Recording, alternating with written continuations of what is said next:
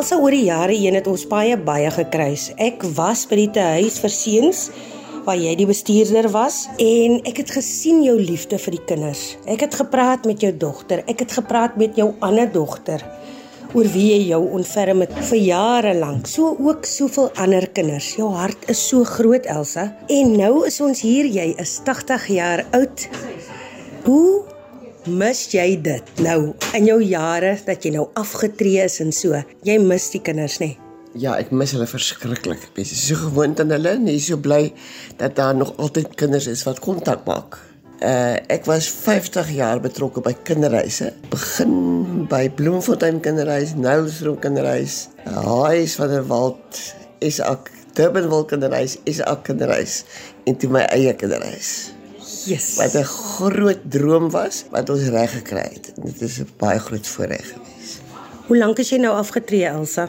5 jaar. Ek het uitgesê van kleins af gesê ek wil ophou werk as ek 75 is. en nou is ek 80 en dis nou 5 jaar wat ek afgetree is. Jy het altyd vir my so 'n positiewe geaardheid en so 'n ingesteldheid en dit is vir my altyd wonderlik om na jou te luister. Wat sou jou raad wees vir mense op moedverlose vlakte? Hoe hou jy jouself positief? Van jou glas blyk altyd vol te wees. Ek glo baie sterk daaraan dat jy uh, emosioneel sterk moet wees.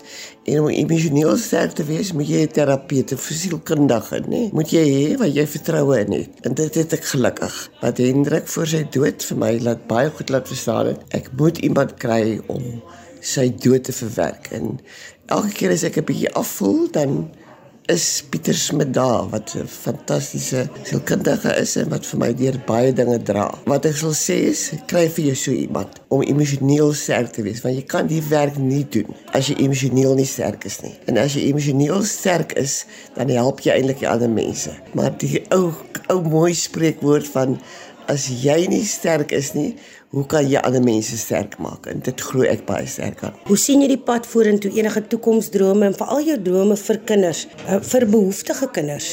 Ja, ek het mens bly maar met droom. En ek dink dit is baie gevaarlik om nie te droom nie. So wat ek op die oomblik droom wat ek my nou oor dood wil lag is, ek speel elke week 10 rand se lotto. En ek het vir die goeie Vader op beloof. As ek die geld wen, is dit nie my geld nie. Ah, maar ek wil gaan na die burgemeester toe en sê ek het nie die geld vir jou gegee nie. Die geld het uit gebed uitgekom. En hierdie geld moet julle gebruik om vir die mense wat op die straat is hulp te kry.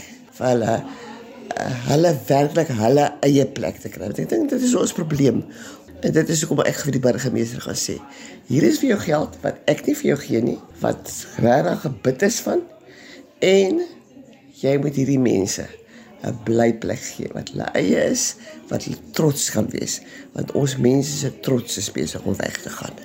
En op 80 wat jou lewenswens vir Elsa self wat nou 80 jaar jonk is. Ek weet 'n mens uh, dink 'n uh, mens van daai ouderdom moet versorg word. Ek moet tog altyd ander mense versorg en om hulle te versorg moet ek omgee. Soos vir my 'n groot voorreg om 'n vriendin wat baie siek is elke keer vir al haar dinge te neem. Want dit is baie belangrik want daar is 'n groot verskil tussen versorg en omgee. En as jy nie omgee nie, kan jy nie versorg nie. Absoluut. Wel ek hoop my twee kinders wat hier by my kom kuier is wat vir my fantasties is.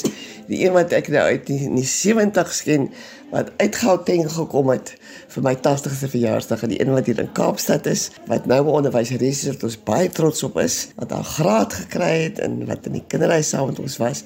Ek is baie trots op hulle en hulle hou nog altyd baie kontak. So dit is vir my 'n groot voorreg om vir iemand anderste iemand iets te wees.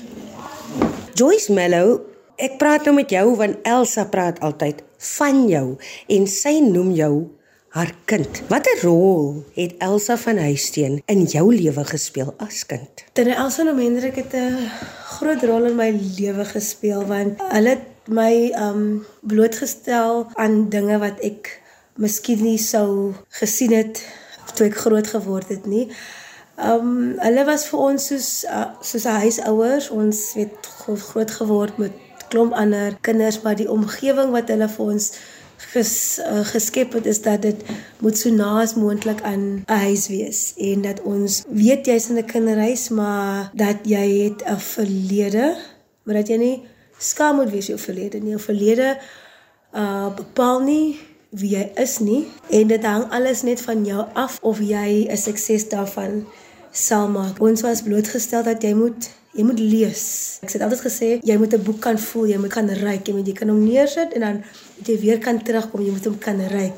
Ons is blootgestel aan konserte. I mean, ons onthou my eerste konsert wat ons gedoen het toe ek net in die kinderhuis gekom het, was die groot geheim. Dit was 'n verskriklike lekker konsert. Ek weet um ons was Lambert's Bay toe met die konsert. Ons het redelik baie uh, plekke gegaan met die konsert. Ons het baie konserte gedoen en tannie Elsa hou van um klavier speel.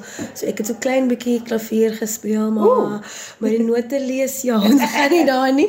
Ek het 'n passie gekry vir klassieke musiek. Ek meen ek ken nie al die komponiste nie en ek het nie musikale agtergrond nie, maar ek kan daai musikale konsep waardeer byvoorbeeld die ballet. I mean ons het byvoorbeeld as 'n geleentheid opgekom het is die, die kinderreis miskien genooi om iets te gaan kyk by die Artscape. As as ek vandag dink, weet sy 80 jaar oud, ek weet dis 'n mylpaal. En I mean ek wens haar al die beste toe al die jare wat sy nog het en sy's 'n formidable vrou. Ek is baie lief vir haar en haar familie. Uh veel geluk aan Elsa en mag die Here jou nog vele male spaar. Nou praat ek met Elsa Junior, ook Elsa van Huisteen. Sê vir my die rol wat jou ma gespeel het in jou lewe. My ma is die warmste, sterkste mens. Sy het so 'n sy het so 'n diep sterkte in haar. Ek sê altyd vir mense ek het groot geword in kinderreise en dan moet ek vir hulle verduidelik maar my maale was ook daar gewees. So ek het nou nie in 'n kinderreis geword maar ek het groot geword in kinderreise met kinderreiskinders en heerlik gespeel en te kere gaan. Ek kon altyd sien hoe belangrik die kinders vir hulle is.